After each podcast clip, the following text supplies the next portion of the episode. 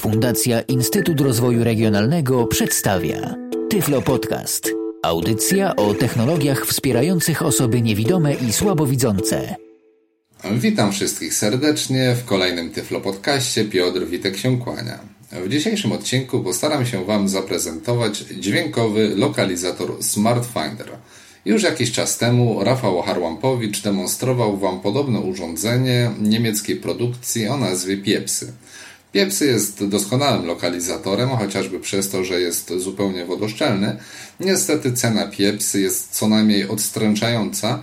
Obecnie producent proponuje kwotę rzędu 200 euro, co jak na polskie warunki jest kwotą dość sporą. Między innymi z tego właśnie powodu postanowiłem zaprezentować Wam alternatywę, czyli Smart Finder. Po dokonaniu zakupu otrzymujemy małe, zgrabne pudełko, do którego teraz razem sobie zajrzymy. Tak więc pierwszą rzeczą po otwarciu pudełka, jaka rzuca nam się w oczy, to pokrótce mówiąc jest nadajnik, cztery odbiorniki oraz przystawka służąca do umocowania na jakiejś płaskiej powierzchni nadajnika lub jednego z odbiorników. Zaczniemy może sobie od samego nadajnika. Trzymam go sobie w tej chwili w ręku. Jest to kwadrat o boku 8 cm w najgrubszym miejscu posiada 2 cm. Na jednym z rogów posiada metalowy haczyk, który szczerze mówiąc pasuje tutaj trochę jak pięść do oka i wygląda dość obskurnie, no ale to może subiektywne wrażenie. W każdym razie dzięki temu haczykowi możemy przypiąć sobie smycz do niego i ten nadajnik nosić na szyi na przykład. Jest cały oczywiście nadajnik konstrukcji plastikowej, mimo to dość solidne wrażenie sprawia. Ja go ściskam sobie w tym momencie we wszystkie strony, ale on w ogóle nie trzeszczy. To oczywiście co słyszycie, to jest właśnie ten metalowy haczyk do mocowania smyczy. Na przedniej powierzchni znajduje się plastikowa powierzchnia gładsza od obudowy i nieco zagłębiona w stosunku do samej obudowy. Dzięki temu, jak będziemy mieli na przykład nadajnik w kieszeni, nie naciśniemy przez przypadek przycisku, który będzie aktywował odbiorniki. I ta plastikowa powierzchnia ma kształt krzyża, gdzie końce tego krzyża są półokrągło zakończone i właśnie w tym miejscu znajdują się przyciski aktywujące nasze odbiorniki. Każdy z przycisków, pomimo tego, że on jest niewyczuwalny, on jest płaski, dopiero trzeba go wdusić. Każdy z przycisków oznaczony jest różnym kolorem. Mamy tutaj cztery kolory. Takie same kolory znajdują się na poszczególnych odbiornikach.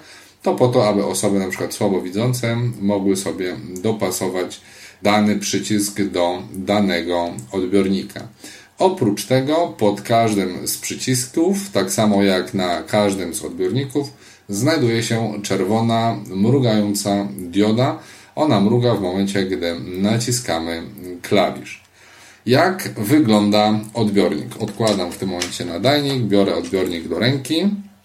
Odbiornik mm, w skrócie można powiedzieć, że przypomina pomniejszoną kopię samego nadajnika. Także jest w kształcie kwadratu, o boku niespełna 4 cm i w najgrubszym miejscu posiada około centymetra.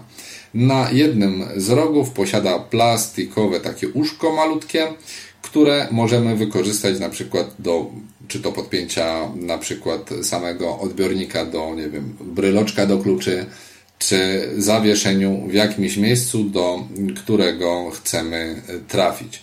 A oczywiście, tak jak już wspomniałem, posiada określony kolor, jak i diodę. Myślę, że więcej na temat samego odbiornika i nadajnika niewiele można powiedzieć, może jeszcze tylko coś na temat samych baterii.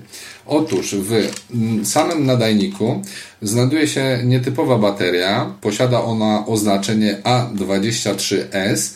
Jest to troszkę mniejszy paluszek niż popularne w Polsce paluszki AAA, a w odbiorniku znajduje się bateria płaska, podobna do baterii zegarkowych.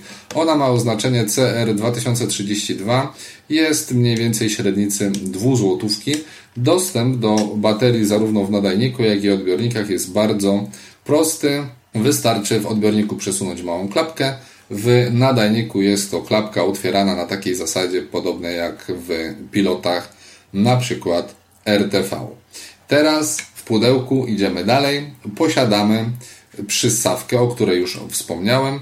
Przystawka, nic specjalnego, plastikowa przystawka do płaskich powierzchni i na niej umocowany metalowy haczyk. Szczerze mówiąc, ja bym nie bardzo ufał takiej przystawce, ponieważ mają one tendencję do odklejania się i spadania, a potem znalezienie odbiornika, no chyba, że będziemy wykorzystywali sygnały dźwiękowe, to pójdzie nam to szybciej, ale mimo wszystko lepiej nie ryzykować, bo szkoda uszkodzić odbiornik. To, na co mm, warto zwrócić uwagę, w pudełku znajdujemy jeszcze takie dwustronne taśmy samoprzylepne, które jeśli chcemy na stałe przymocować odbiornik do jakiejś powierzchni, na przykład nie wiem, pilota jakiegoś, możemy przykleić e, tą taśmę. Ona jest też w kształcie kwadratu, idealnie pasuje do spodu samego odbiornika i później możemy przykleić ją właśnie do pilota czy tam do jakichś innych rzeczy. W każdym razie jest tutaj mały feller. Myślę, nie do końca przemyślana ta sprawa została, ponieważ nalepka przychodzi dokładnie na całą tylnią ścianę obudowy, co skutecznie uniemożliwia nam później wymianę baterii. Więc jeśli będziemy musieli na siłę odlepiać później urządzenie, żeby wymienić baterię, możemy pozostawić nieestetyczne ślady zarówno na samym odbiorniku, jak i na rzeczy, do której był on wcześniej przytwierdzony. Jeszcze bardzo fajna, praktyczna, a przy tym prosta rzecz. W momencie, gdy kupujemy cały pakiet Smart Findera, otrzymujemy cały komplet wymienionych baterii, ale co ciekawe, mamy wszystkie baterie zabezpieczone takimi plastikowymi podkładkami, co oczywiście jest bardzo praktyczne w samym momencie zakupu, ponieważ nie wiadomo ile takie urządzenie poleży gdzieś na magazynie. Baterie przez ten czas się nie rozładowują, a dla nas jest to o tyle przydatne, że jeśli nie używamy odbiornika na co dzień, możemy sobie taką plastikową podkładką zabezpieczyć baterię, aby nie wyczerpywała się ona niepotrzebnie. Skoro już Wam powiedziałem, jak to wszystko wygląda, to teraz pokażę Wam, jak działa. Każdy z odbiorników posiada swój indywidualny sygnał dźwiękowy, gdzie oczywiście po jakimś tam krótszym lub dłuższym użytkowaniu możemy się do tych sygnałów przyzwyczaić i będziemy rozpoznawać, który sygnał należy do którego odbiornika. Wada, jaką zaobserwowałem w momencie użytkowania, z jednej strony to jest może wada, a z drugiej może zaleta. Mianowicie, aby odbiornik nam zasygnalizował dźwiękiem swoją aktywność, musimy dłużej przytrzymać klawisz na nadajniku i tak jak mówię, z jednej strony to jest frustrujące, bo musimy chwilkę zaczekać, ale z drugiej, jeśli gdzieś przez przypadek wciśniemy klawisz, nie będziemy e, niepotrzebnie aktywować naszych odbiorników. Tak więc po kolei postaram się Wam zaprezentować cztery dźwięki. Ostrzegam, może być głośno. Rozmieściłem odbiorniki po czterech e, stronach e, w pewnej odległości od mikrofonu. One emitują dźwięk o natężeniu 85 dB. Tak więc nie mam na to żadnego wpływu, ponieważ tych dźwięków, ich natężenia nie można regulować. Zatem pierwszy dźwięk.